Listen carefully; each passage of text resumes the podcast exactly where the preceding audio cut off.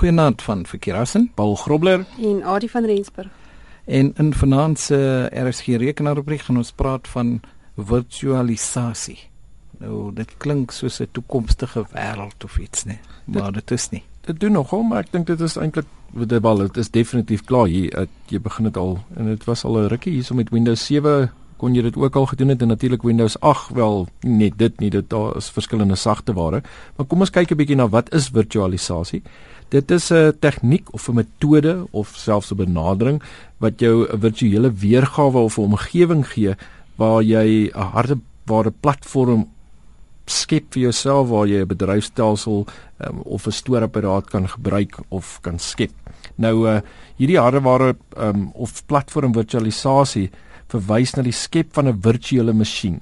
Nou kom ons dink net maar net logies daaroor. Dis soos jy het 'n uh, rekenaar en jy het kom ons sê Windows 8 op dit gelaai en nou wil jy graag Ubuntu uitprobeer. Heeltemal 'n ander bedryfstelsel maar jy wil op dieselfde rekenaar. Op dieselfde rekenaar, maar jy kyk ons weet almal ons het al in die verlede gepraat van wat ons noem 'n dual boot system. Mm. Wat jy mm. wat jy jou harde skyf of jy het meer as een harde skyf en jy het jou een bedryfstel op op die een harde skyf en nou het jy nog 'n bedryfstelsel op 'n ander harde skyf.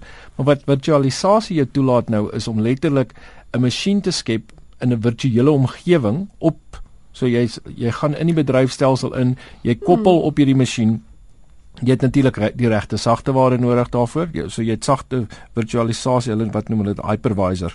Ehm um, wat jou toelaat dan om virtuele masjiene te skep. Nou met die virtuele masjien skep jy dan nou vir jou harde skyf spasie, so hy skep vir jou 'n omgewing waarin jy nou virtuele harde skyf het en dan laai hy nou dan gebruik hy die harde skyf of die harde ware wat jy het en hy skep dan nou 'n virtuele masjien en jy kan nou so dan koppel en 'n uh, letterlike ander bedryfstelsel laai uh, of jy kan dieselfde bedryfstelsel laai wat baie mense natuurlik doen is om 'n uh, virtuele masjiene te skep, besighede gebruik virtuele masjiene om mm. om te kyk hoe hulle hoe hulle saamwerk. Weet jy wat dit ek lank gebruik? 'n hmm. Sekere sagte ware wat ek nooit die volgende van gekoop het nie. Ja. Toe het ek vir my 'n virtuele masjien gelaai waarop ek daai kon opsit waar ja. waar daai program op kan hardloop. Dit was nog eintlik bedoel vir Windows 98. O, so hy moes op ouer weer. So ek het nooit die toe die volgendes uitkom het ek nooit die program geopdateer nie want ek het hom eintlik meer vreeslik baie nodig gehad nie. Ja. Het ek 'n virtuele masjien gelaai en die program daarin gelaai ja. en ek het in hierdie virtuele as ek sodra ek met daai program wou werk. Dit en dit is wat baie maatskappye natuurlik ook doen as hulle live virtuele masjiene kom ons sê dis soos wat jy nou genoem het.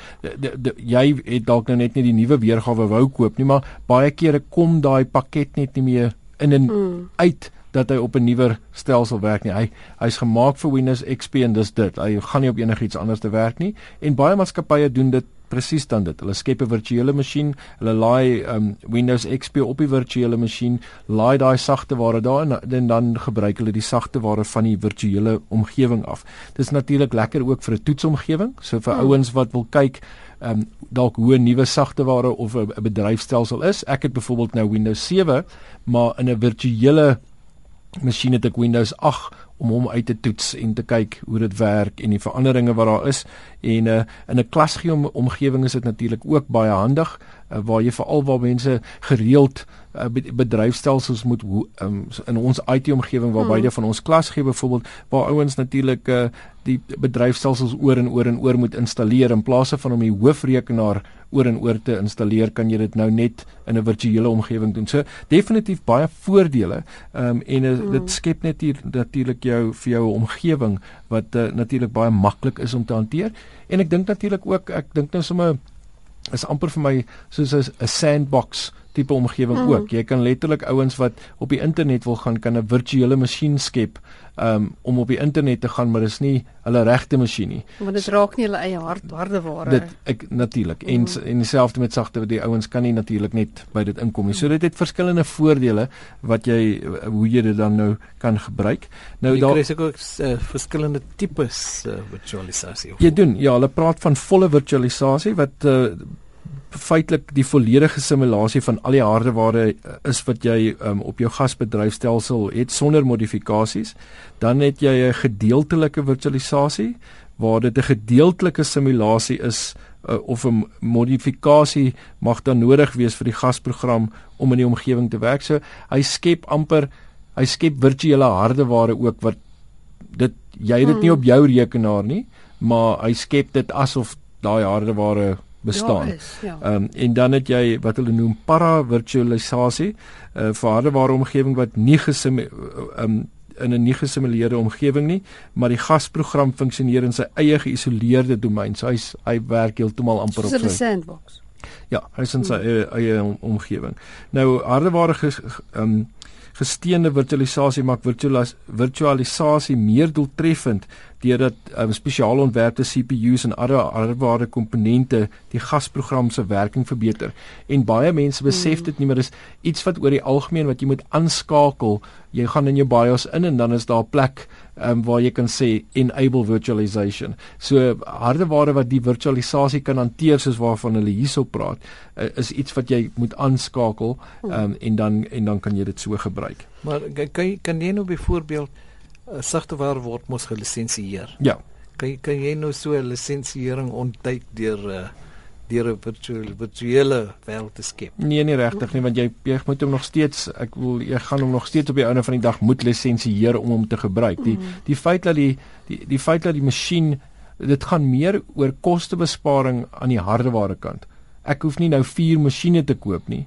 Ehm uh, maar byvoorbeeld dan kyk jy as jy nou byvoorbeeld kyk na Windows 2008 of Server 2008 of Server 2012 afhangende van die tipe weergawe wat jy het. Uh byvoorbeeld uh, Windows Server 2012 se data center gee vir jou unlimited virtual machines. En so dit hang baie van die tipe pakket af oor hoeveel masjiene jy mag op dieselfde lisensie gebruik. Uh so dit gaan maar afhang van ehm um, pakket tot pakket, maar effektiewelik enigiets wat jy op 'n virtuele masjien hardloop, dieselfde lisensies geld vir dit soos in soos in enige ander omgewing. So jy kan dit nie ontdek nie, maar jy, jy kan gaan kyk waar uh, jy meer kan lees oor virtualisasie deur Adi se navorsing. Ja, dis reg. Kan gaan kyk gerus by www.beyondvm, so seker staan vir Beyond virtual machines of wat ook al kom. Skynstreep what is virtualization? Natuurlik sal Wikipedia hê en.wikipedia.org skynstreep wiki skynstreep virtualization en dan is daar ook 'n uh, ebisq.net wat 'n mens kan gaan kyk. Maar ja, laaste een is 'n bietjie lank, so gaan kyk gerus maar by RSG se webwerf. Ja, gaan kyk gerus by rsg.co.za en as uh, jy enige vrae het of jy wil dalk uh, enigiets met ons deel, stuur gerus vir ons e-pos ook na rekenaar@rsg.co.za. En Elmarie vra na 'n Afrikaanse rekenaar woordeboek. Dis 'n paar, nee. Ek ek, ek het ek gebruik nog altyd daai Kiber woordeboek van Voljoen en ander. Ehm um, maar aanlyn kan 'n mens die volgende gebruik. Nou daar's meer as een webwerf alhoewel party van hulle soort van dieselfde lys het. so daar's 'n www.vhdesigns.co.za, skynstreep Afrikaanse rekenaar woordeboek.php. En dan is daar ook een ehm um, by Wikipedia is daar ook 'n rekenaar terme een. Ehm um, by wiki.edubuntu.org Afrikaans translators is daar 'n wait W A I T T woordeboek en dan ook 'n vertaler woordeboek um, by wiki.ubuntu.com. Die die beste wat ek ook kan sê vir mense wat gewoonlik net gewone vertalings wil, nie noodwendig rekenaarvertalings nie, is ehm um, daar's 'n webwerf waar jy of of ehm um, vir dit jy kan die URL gee, die adres van die webwerf gee as jy die bladsy wil vertaal hê. Of jy kan vir hom stukke insit en dan kan hy dit vir jou vertaal en dit is 'n webwerf met die naam englishkoppeltekenafrikaans.co.za. Maar omdat dit rekenaar is, gaan dit dalk nie so mag nie al die woorde gaan dalk nie al die woorde hmm. vertaal nie. Ja. Nou goed, uh, kom ons ge gesels gou oor Jan Mostert se vraag. Hy wil weet of uh, mense live ook 'n notifikasie van nuwe e-pos kan opstel. Ek weet nie of iemand weet daarvan nie. Ek kon nie vind dat jy dit kan doen nie. Ehm um, as daar iemand is wat weet, laat weet vir ons asseblief. Ehm um, jy kan wel derde party sagteware gebruik soos byvoorbeeld www.poppeople.com. Poppeople. nou ja, jy kan natuurlik ook jou Poppeople webwerf kry by ons webwerf uh, web webwerf by ons webwerf rsg.co.za en uh, kyk net onder die soek die rekenaarrubriek by Chila tyd en uh, ja, daar is al hierdie inligting. En uh, dan nou, ek, ek het verlede week 'n uh, demonstrasie gesien van 'n driedimensionele drukker. Dit was indrukwekkend. Indrukwekkend. Nou ja, ja, kom ja. ons gesels dan volgende week daaroor wat is 'n driedimensionele drukker. Kyk of uh, jy die antwoord kan kry. Ons gesels daaroor. Tot dan van Verkerassen. Paul Grobler En Adie van Rensburg? Goeienaand.